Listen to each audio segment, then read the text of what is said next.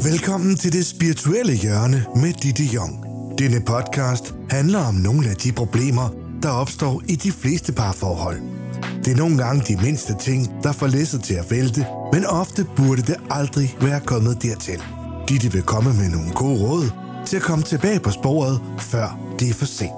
Så sidder vi igen i vores malige stole og øh, skal snakke om livets sværheder. Øhm, mm. Og dit, øh, i dag, der er emnet, hvad gør man, når man ikke trives i sit parforhold? Og det tænker jeg, at jeg vil godt se hånden i vejret på dem, der aldrig har været i den situation, at de ikke trives i sit parforhold. Men tror jeg, alle har prøvet, og det er svært for dem, der er, der mistrives, at finde grænsen for, hvornår er vi, hvornår er vi gået for langt, hvornår er der ingen vej tilbage, og hvor mange chancer skal til. Så jeg vil, jeg vil gerne starte med at spørge dig, om det er helt normalt at mistrives i et forhold, og så alligevel blive der, og hvorfor gør man det? Mm. Altså, ja, det er mere end normalt at blive i sit parforhold, selvom man ikke trives i det. Og de fleste, sådan som jeg ser det, de bliver i et parforhold, de ikke trives i, fordi at nummer et, det er trygt. Altså vi mennesker, vi er jo nogle værre tryghedsbamser, og så er vi flokdyr, ikke mindst. Så de fleste bliver sammen med andre, en familie. Mange har jo også fået børn, øh, som man jo heller ikke ønsker at gøre til delebørn eller gøre ked af det, fordi nummer et, det er trygt. Man bilder sig ind, at det er trygt. Og der må jeg altså bare sige, det er altså lidt en løgnhistorie, at noget, man mistrives i, skulle være trygt. Men det, man kan kigge på, det er, hvad er det, der gør, at man mistrives i det? Hvad er det, der sker mellem de to parter? Typisk så ser jeg øh, et billede af, at man enten er vokset fra hinanden, og man er blevet for forskellige, at den ene er på en udviklingsrejse, personlig udviklingsrejse, og den anden ikke er det. Og så er det klart, så bliver det svært, rigtig svært at føle sig ad. Fordi det, man engang blev tiltrukket af, det er jo en side, man selv indeholder, og øh, når man vokser ud af den, så bliver det svært at blive ved med at være tiltrukket af den anden part. Forstår du, hvad jeg mener? Ja, så, så, så det her klassiske, vi er bare vokset fra hinanden, Mm. Det er måske virkelig mere en kliché. Det er der måske et vist øh, portion af sandhed i. Det synes jeg bestemt. Det synes jeg bestemt. Det er jo klart, hvis man har mødt hinanden i en alder 16 eller 22, og man sidder 20-30 år efter, så må der da unægteligt være en af dem, der har udviklet sig.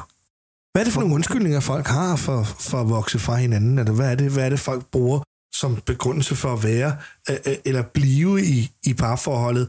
Nu sagde du selv børnene, men, mm. men det, det kan vel også være andre ting, som... som Økonomi binder folk sammen, ja. Bestemt. Det er både øh, nedenunder, det er der en angst for at være alene og egentlig ikke orke med det indebærer, så det er sådan nogle meget store, vidragende konsekvenser, vel? Gud, nej, og nu har vi to børn, og så skal jeg til at møde en ny og på datingmarkedet, og så skal jeg introducere børnene over for vedkommende, og uh, det orker jeg ikke. Det kan være, jeg har ikke råd til at starte forfra, øh, fordi at man måske den ene part gik bedre økonomisk ind, eller bedre økonomisk stillet ind, end den anden gjorde. Så den, der er dårligere økonomisk stillet, har ikke muligheden økonomisk set for at klare sig selv. I hvert fald ikke, hvis de vil opbevare den levestandard, den, her, den levestandard kan man sige, ja. opretholde den her levestandard, mm. som, som man har lagt. Og så er der altid øh, fede, fede øh, fortælling, man også siger til sig selv, og det er, men det bliver nok bedre. En eller anden dag bliver nok bedre. Kan det det? Kan det blive bedre, hvis man vil det? Jeg tænker, er det bare ud over klippen, og så er det kun et spørgsmål om, hvor meget det gør ondt, eller er der en mulighed for den her person, der siger, det bliver nok bedre, til rent faktisk at få det bedre med det. Altså, det, øh, det bliver ikke bedre af sig selv, kan man sige. Nej. Så man bliver nødt til aktivt at gøre noget. Enten må man kigge på, nu kan jeg jo kun tale som kvinde, på manden, hvis nu var der var noget, jeg gentagende gange var super træt af, og så forstå, jamen, han forandrer sig jo ikke. Så enten så må jeg forandre måden, jeg kigger på ham på, jeg elsker ham lige som han er, eller så må jeg tage konsekvensen og sige, jeg elsker bundreelt bare ikke den her mand mere. Det er jo at gøre noget ved det, ikke? Okay, det vil sige, at, at man kunne opsøge også en, en parterapeut, men er det i de tilfælde, er det, hvor tit er det for sent, at folk gør det?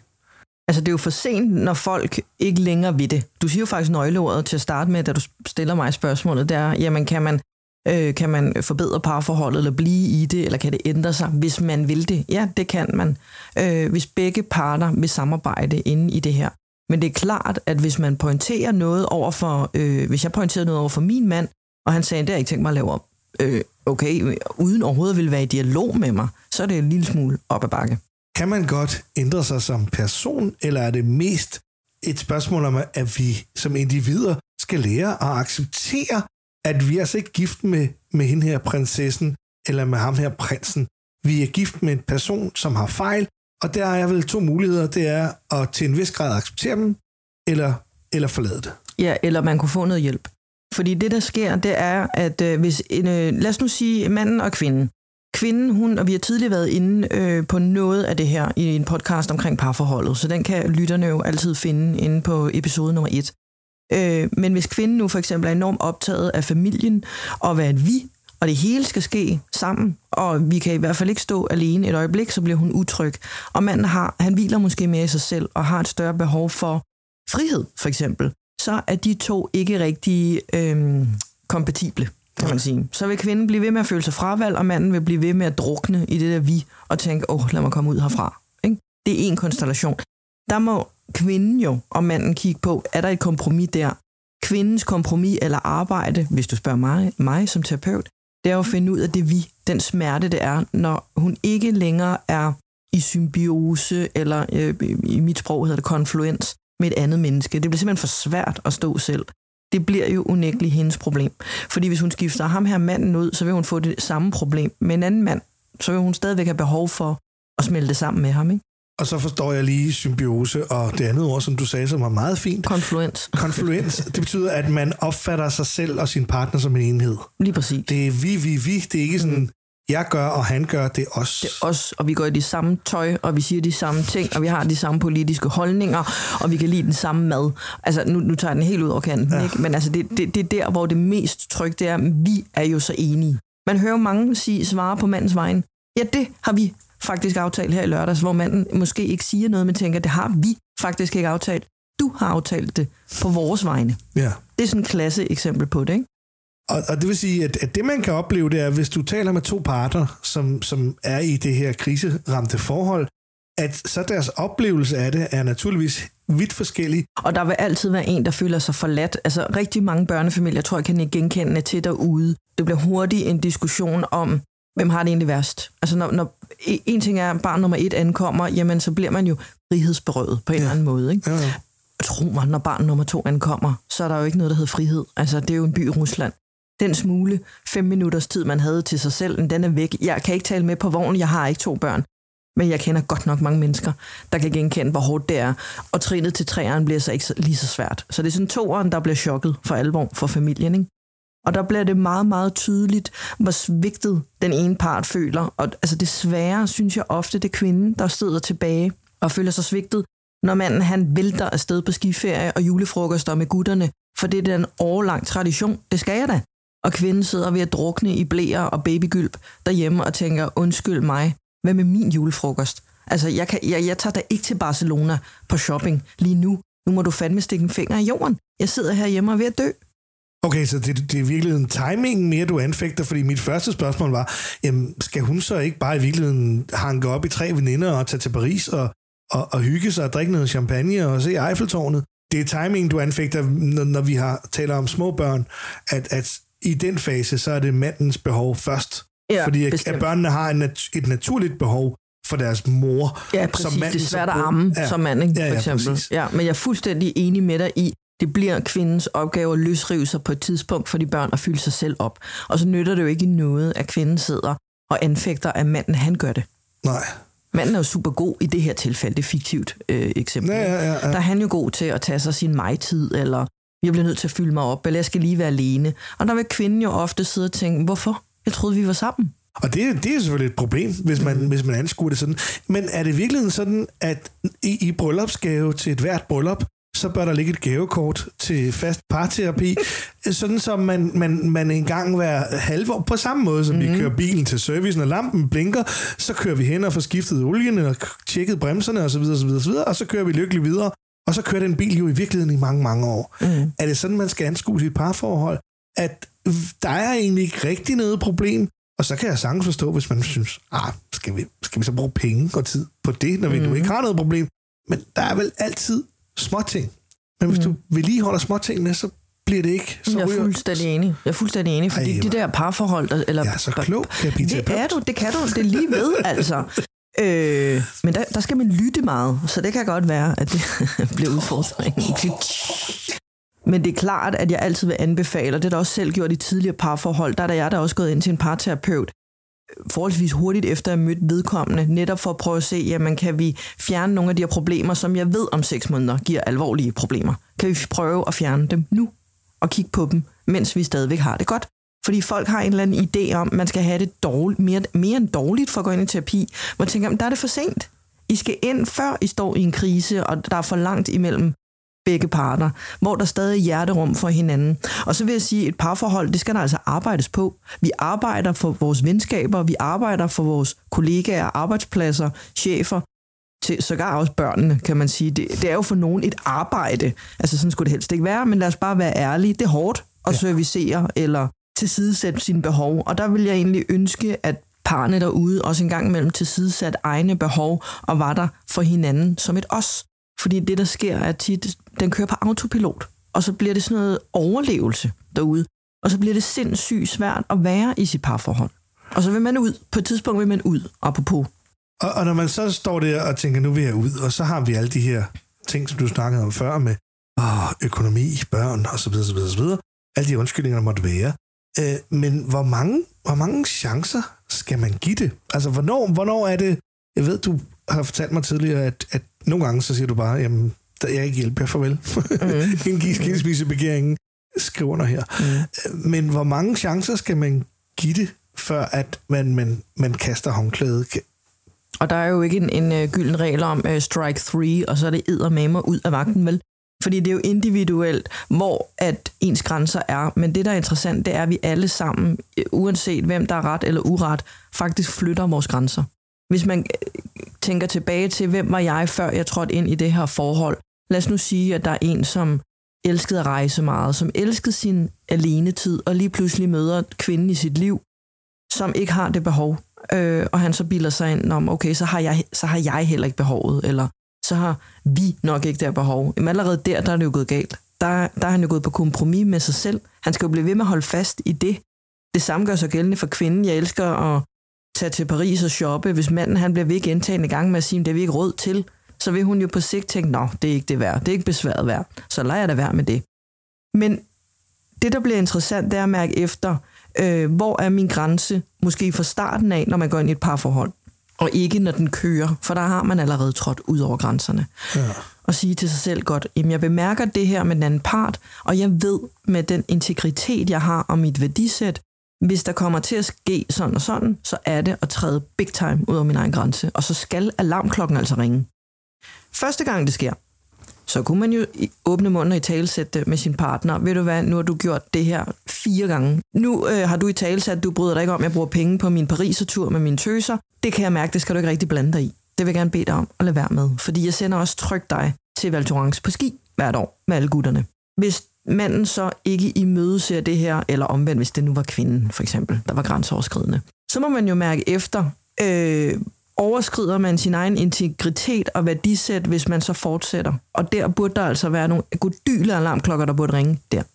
Allerede der går det jo vældig, vældig galt. Hvad så, når man øh, som mand eller kvinde øh, er i det her parforhold, der ikke helt kører på skinner, mm. og så er der lige pludselig den her aften eller eftermiddag, eller hvad det måtte være, hvor man møder en anden person, som øh, giver dig de der sommerfugle, eller om ikke andet i hvert fald sådan tænker, åh, var sød, eller mm. hun var sød. Hvad kan man gøre for at, at tale sig selv til ro og sige, rolig nu, det er ikke der, vi er endnu. Og, og hvad er det, man, der gør, at man ikke, hvad skal man sige til sig selv, for ikke at downloade Tinder-appen, og så videre, så videre, så videre. Er der nogle råd til, til folk at sige, altså, det der med at være utro, og det der med at gå på online services, det er, det er først det næste skridt. Mm. Så, så skal jeg være ude af det her først. Øh, det, det er først efter, man har kastet håndklædet, tænker jeg. Det vil være det ordentligt at gøre, i hvert fald. Når øh, kvinder øh, søger utroskab, mænd sågar også, så er det fordi, der er noget længe, længe, de har længtes efter, øh, noget, der har været smertefuldt, og hvor de ikke er blevet set eller hørt. Og så, som du så rigtig fint beskriver det, så er der en anden person, der kommer og giver dem det, hvor de et øjeblik føler sig set og hørt. Så er det altså lidt at pisse i bukserne at gå ud og, og knalde med en eller anden fremmed for at føle, ej, nu blev jeg set og hørt, og så, ind, så ruller affæren så. Øh, og den konflikt, der opstår i kvinder, når man skal hemmeligholde noget, altså det er jo noget, man dør af langsomt, indvendigt. Det tror jeg, alle, der har været utro, kan genkende det her, fået man er rimelig kold skid. eller har en meget naturlig forhold til sex generelt, øh, så er det ikke et fedt felt at stå i. Så der, hvor at jeg vil råde folk til øh, at tage det meget alvorligt, det er, når de mærker, at jeg mistrives, jeg begynder at længes efter noget andet, så åbner man altså munden gevaldigt. Og det, der bliver øvelsen, er jo, at man finder et kompromis. Altså, hvor man vil arbejde for forholdet og sige, okay, det er virkelig vigtigt for dig at gå i biffen. Hold nu op, mand. Øh, selvom at den anden part siger, hvorfor skulle vi gå i biffen, når vi kan købe den hjemmefra? Det er jo meget hyggeligere. Hvorfor skal vi betale barnpigen øh, og få børnene passet for at gå ud og se en film, vi kan se hjemme i sofaen, når børnene ligger og sover i sengen? Og den date kommer jo aldrig til at ske derhjemme. Nej, nej. Altså, øh, så må man jo nå til enighed, så må manden jo øh, steppe op, eller kvinden, hvis det er hende, der har ønsket at sige, det her det er bare virkelig vigtigt for mig. Synes du ikke, at det er det værd? Vores forhold er det værd at gøre det her. Og det, er jo ikke, det skal jo ikke være et eller andet urimeligt krav, vi skal ud i. Nej, men hvis Ja, vi er nede i småtingsafdelingen, mm-hmm. som vi er nu, mm. og, og manden ikke viser, eller kvinden ikke viser interesse i at bøje sig, eller komprom- mm-hmm. lave et kompromis i situationen, så synes jeg, at problemet er større, end, end det kunne være i så mange andre tilfælde. For hvis petitesserne pludselig bliver nærmest dealbreakers, Mm. så er der ingen, altså så er der næsten ingen vej tilbage. Det er der. Nej, og problemet er, hvis man når derud, hvor man begynder at foragte den, man bor sammen med, altså nærmest får sådan had, øh, kærlighedshadforhold til den anden, så er det jo super, super vigtigt at kigge på, hvad er det så, du laver med ham? Hvorfor bliver du ved? Og det vil være tryghed. Det er 100% sikkert. Den tør næsten, altså enten tryghed eller økonomi. Økonomi, det går også under tryghed, Ja, ja, ja. egentlig. Ja, det gør det vel, fordi så skal jeg ikke ud og tjene penge selv. Eller... Og, og det er vel også lidt uretfærdigt i, i, for kvinderne i de fleste tilfælde. Mm. At man hører tit, at, at et par finder sammen, og han er den stærke økonomiske part. Hun bliver hjemme og opdrager børnene og, og går ikke ud på arbejdsmarkedet. Og så en dag skal de skilles, og så ikke nok med, at manden han vil have de fleste af pengene. Men, men, men kvinden står jo virkelig dårligt, fordi Mm. hun har ikke den uddannelse, hun burde have. Hun har ikke den erhvervserfaring. Så på den måde kan man sige, det er jo også ekstra vigtigt, at man som kvinde i en tidlig fase ligesom sikrer sig, hvad sker der den dag, vi går fra hinanden? Mm. Fordi det hører man jo tit, når vi snakker det er om... selvfølgelig sådan lidt øh, negativt tænkende, men, men jeg er fuldstændig enig. Jeg er en kvinde, der er meget selvstændig, så jeg har altid sikret mig, at jeg kunne sørge for mig selv økonomisk og på alle punkter. Øh, og det gælder også på et tidspunkt, da jeg trådte ind i et ægteskab, der sørgede jeg også for at have en ægteskabspagt, for netop at sikre min søn og jeg, i tilfælde af, at der skete noget. Men det er langt fra kvinder, der er i 20'erne og knaldhammerne forelskede og duperet over et eller andet luksusliv, der tænker på den måde der. Nej, og det er jo det. Så forventer vi jo, at vi skal, vi skal kigge i, i bagklogskabens klare lys. Men, men, men det er vel udsendelser, podcasts og, og, gode råd generelt som denne, der gør lidt, at næste gang, det er der jo tit, folk bliver jo gift mere end en gang mm. i, i, disse tider. Øhm, anden gang er man så også undskyldt, når man laver fejlen anden gang. Det, du kommer tilbage, du bliver slået hjem, det er Ludo. I dit første ægteskab, og nu møder du en ny mand, og så laver du de samme fejl. Plejer man ikke at sige, fool me once, uh, Shame on the me, shame, shame on, on you, you. fool me twice, shame on me. Jo, er det ikke sådan, jo, det er? det, det, og det er også en fin kliché, men, men holder den? Og det synes jeg det jo, den gør. Men fool on me, det lyder måske sådan, at jeg sidder og dunker mig i hovedet, i stedet for at kigge på, hvad var det, jeg kunne lære, tage vi lære af sidst, for Ja. eksempel. Hvis jeg blev gift igen øh, nogensinde, jamen jeg har da bestemt tænkt mig også at være i stand til at, at sørge for mig selv økonomisk. Jeg har da bestemt også tænkt mig at skulle have en ægteskabspagt. Men det, der egentlig gik galt med os, havde ikke noget med økonomien at gøre. Så det kan jeg tage ved lære af Ja. i, i min situation. Ikke? Hvor andre kvinder derude kan tage ved lære af, aldrig nogensinde igen skal jeg stå i en situation, hvor jeg bliver afhængig af et andet menneske. Nej, nu tilgiv mig så også lige for at sige, at jeg tror, at du er noget mere ressourcestærk end mange andre kvinder, og du er jo ikke i den her situation, at du ligesom har lavet din mand gå ind og passe sit job som direktør i en større virksomhed, mens du har taget dig af børn og opvask. Nej. Du har gået ud, og du har lavet din egen karriere, skabt din egen karriere, så du er jo ikke sårbar på det punkt. Men det er der jo mange, der, Det er der, der har mange, taget øh, barnevognen i stedet for uddannelse. Og har ikke fået nogen pensionsopsparing eller øh, optjent noget som helst i de der seks år, der så lige pludselig gik med at føde børn. Og så er man jo sårbar. Jamen, det er bestemt et råd, jeg vil give til unge kvinder derude, altså hvis I lytter med, at sikre jer på lidt længere sigt. Så hvis man sidder derude og lytter med, og føler, at de ting, du har snakket om her, det rammer i mellem eller hård grad lige ind i, i vedkommende, hvad er så det råd, du lige vil slutte af med at sige, hvis du føler dig ramt af de her ting, hvis du er i det her forhold, hvor du ikke er tilfreds, så vil jeg øh, spørge, om du overlever, eller om du egentlig lever, og du har kun et liv. Jeg er klaverant, jeg tror på reinkarnation, men du har kun et liv, som den du er med det navn, du har, det køn og den familiekonstellation, du har.